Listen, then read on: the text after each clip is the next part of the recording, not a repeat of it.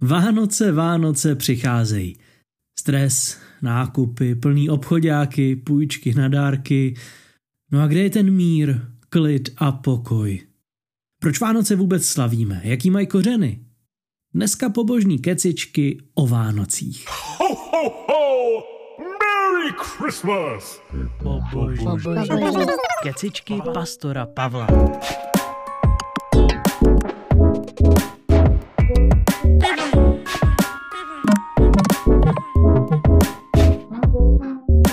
O co jde?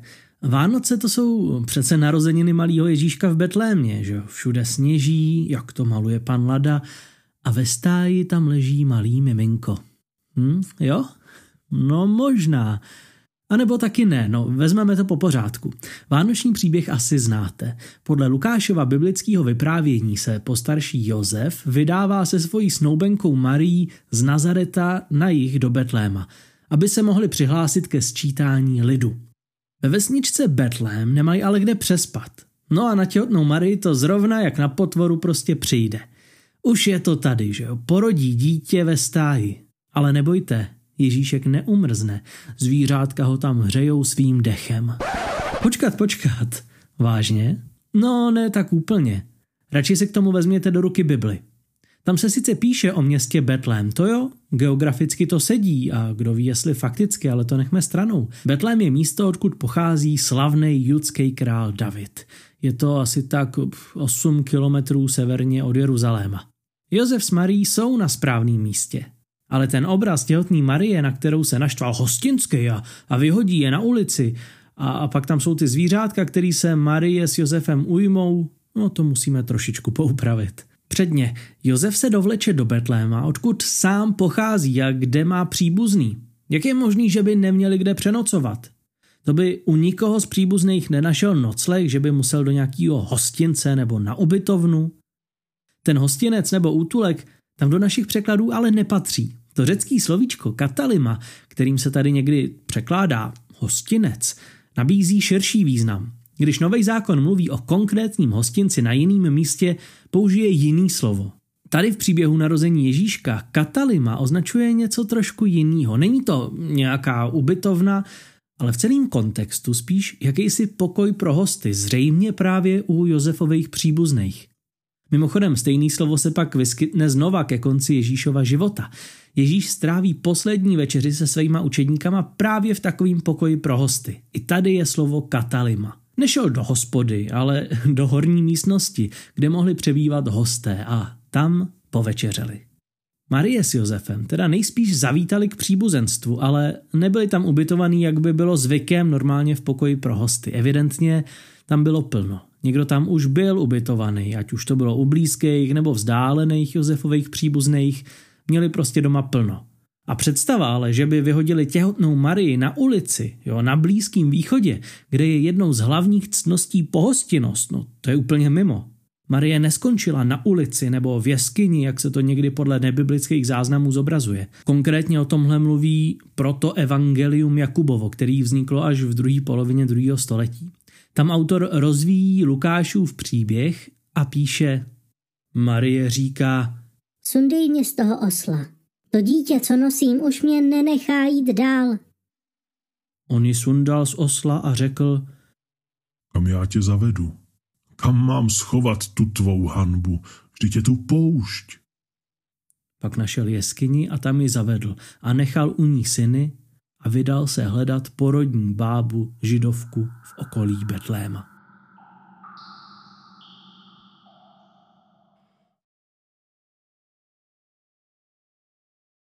Podle Bible ale o jeskyni nešlo. Marie neskončila na okraji Betléma v divoký jeskyni. To dosvědčuje i to, že Lukáš ve svém evangeliu říká, že když Marie porodila, položila miminko do jeslí. A teď je to jasný, ne? Proč? No, tak kde byly takový jesle? Kde byl žlab pro zvířata? Musíme si teďka představit starověký dům.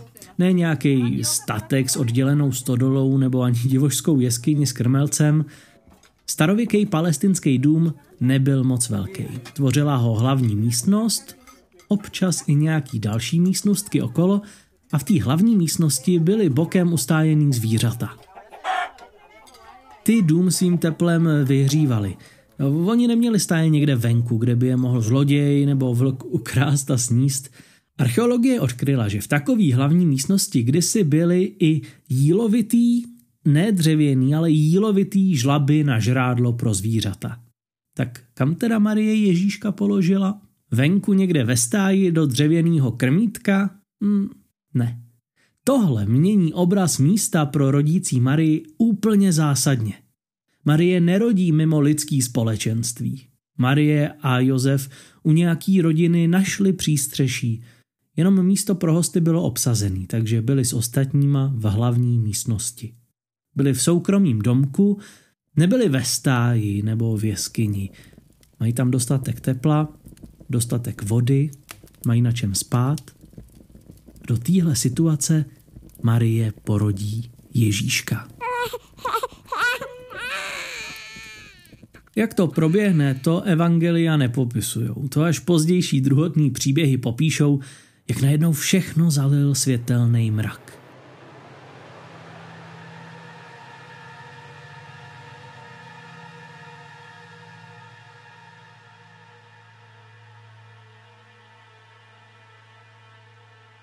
No a když se světlo stlumilo, najednou tam pochoduje nemluvně a hned skočí k prsu matky.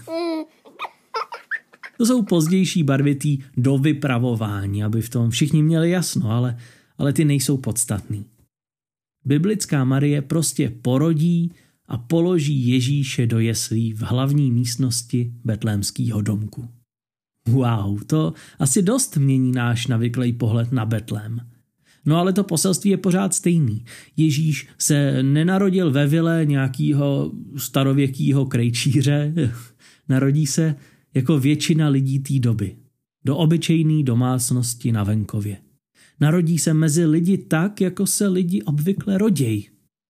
Od začátku malý Ježíš vyrůstá v podmínkách, který nenaznačují, že by měl být jakýmkoliv revolucionářem nebo, nebo dokonce budoucím králem židů.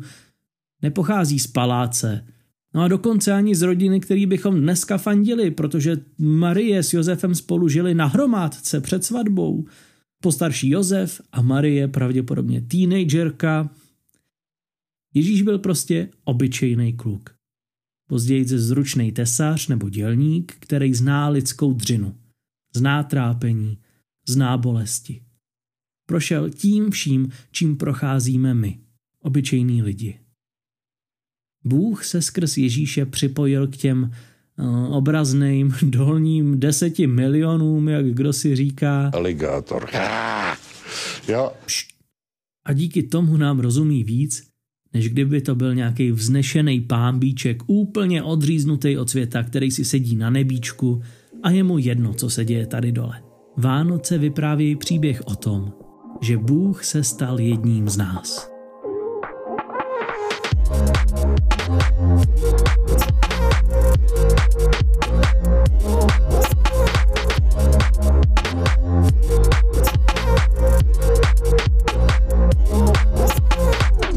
dobře, ale stejně všichni vědějí, že se Ježíš o Vánocích nenarodil, že? tak co? Dokonce někdo říká, že celý Ježíš je jenom vymyšlený mýtus. No to je taková oblíbená hypotéza osvícenců, dávno a mnohokrát už vyvrácená. Třeba o Ježíšově smrti máme poměrně dost důvěryhodných informací. Takže žil. Je ale pravda, že o jeho narození toho fakticky moc nevíme. Víme třeba rok? Dalo by se říct, že jo, protože letopočet počítáme přece podle toho. Nicméně hm, ten letopočet není správně určený. Oni ho určovali až v 6. století a Ježíš se velmi pravděpodobně narodil pár let před Kristem. to je funny. Eh, no asi jim žila matematika přibližně stejně jako mě. A víme teda aspoň ten den? Vždyť o Vánocích vzpomínáme na malého Ježíška, ne? Konkrétní datum ale po staletí provázejí spekulace. Západ si připomíná Ježíšovo narození 25. prosince, východ zase 7. ledna, což je ve východním církevním kalendáři stejně 25. prosince. A k tomu se dospělo jednoduchým výpočtem.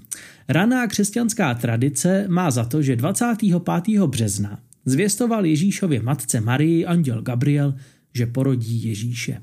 25. březen. No a teďka přičteme 9 měsíců těhotenství a máme 25. prosince.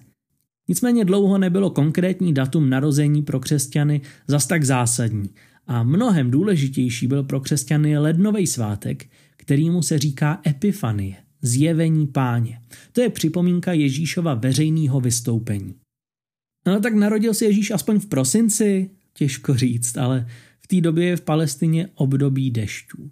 Jakmile se Ježíš narodil, evangelista Lukáš píše, že pastýři zrovna drželi hlídku pod nočním nebem a že se vydali za Ježíškem. Kdyby to bylo v tomhle období dešťů, ovečky by spíš byly ustájený doma v teploučku, nebyly by venku v počasí, kam by ani psa nevyhnal. Takže on ani ten prosinec vlastně moc nesedí. Někdy zaznívají teorie, proč teda Vánoce slavíme na Vánoce. V dobu ke konci prosince spousta národů a kultur historicky prožívalo naději v přicházejícím světle do temné tmy. Měli naději ve slunovratu. Slunce se vrací, vítězí nad temnotou. Motiv světla a naděje se objevuje ve spoustě svátků. Třeba, třeba židovská chanuka, nebo severský oslavy Jule, oslavy zrození boha Mitry, nazvaný Dny zrození nepřemožitelného slunce. Ty měly obzvlášť v Římě několik staletí po Kristu velkou oblibu. Proto je možný, že když se křesťanství ve čtvrtém století stalo mainstreamovým náboženstvím, tak tyhle sluneční svátky křesťani jednoduše přeznačili. Totiž až do čtvrtého století se křesťanský Vánoce neslavili, my o tom nemáme žádný záznam. Ale přece to světlo, který římský pohani uctívají, tak to je přece ve skutečnosti Kristus, řekli si křesťani. A slunce, no to je jasný odkaz k Bohu. V Ježíšovi se zrodilo pravý slunce, který zahnalo temnotu duchovního hledačství na slepo. V knize biblického proroka Malachiáše zaznívá Vám, ctitelům mého jména, však vyjde slunce spravedlnosti a v jeho paprscích bude uzdravení. Evangelista Jan píše na začátku svého veledíla, že Kristus je to světlo s velkým S. Podle Bible má právě od východu, kde vychází sluníčko, přijít záchrana. Vycházející slunce je nadějí, že svět pokračuje a nekončí a neskončí tmavou nocí. Příběh Vánoc zvěstuje, že světlo je silnější než tma.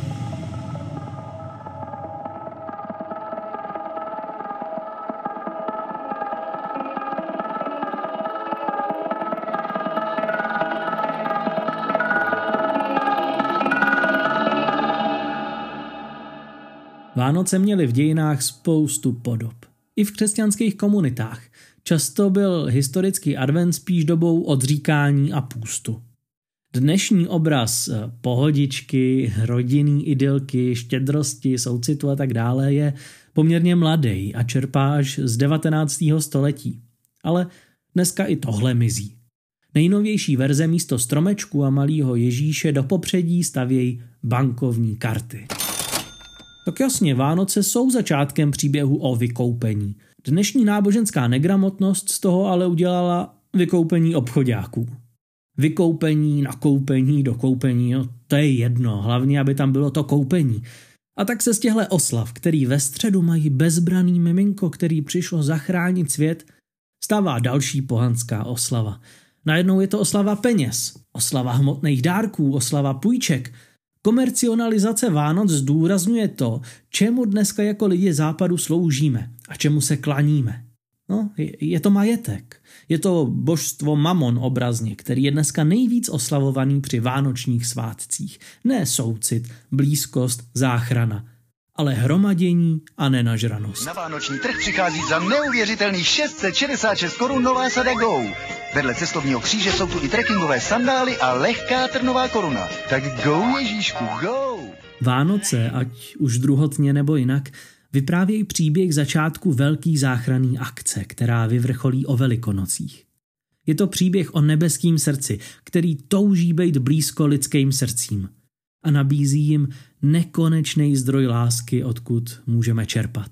Příběh o tom, jak se nebesa dotkly země a z lásky se darovali lidem.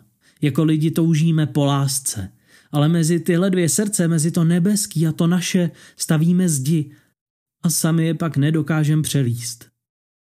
Příběh o narození Ježíše v Betlémě je příběhem o tom, jak zdi padají a z hůry se k nám snáší záchranný vrtulník plný dárků. Dárků, který nám posílá ten nahoře, protože on sám má z čeho dát. Vždyť i naše český slovo Bůh je spojený se slovem bohatý. Ve staroslověnštině je Bůh ten, který má z čeho dávat. Nabízí nám dary, nenutně jenom ty materiální, ale ty, díky kterým stojí za to žít. Je to velký dárek, ve kterým je zabalená láska k lidem. Dárek, ve kterým na nás čeká ujištění o tom, že to v životě dáme, protože to můžeme táhnout s tím nahoře. Kecičky pastora Pavla.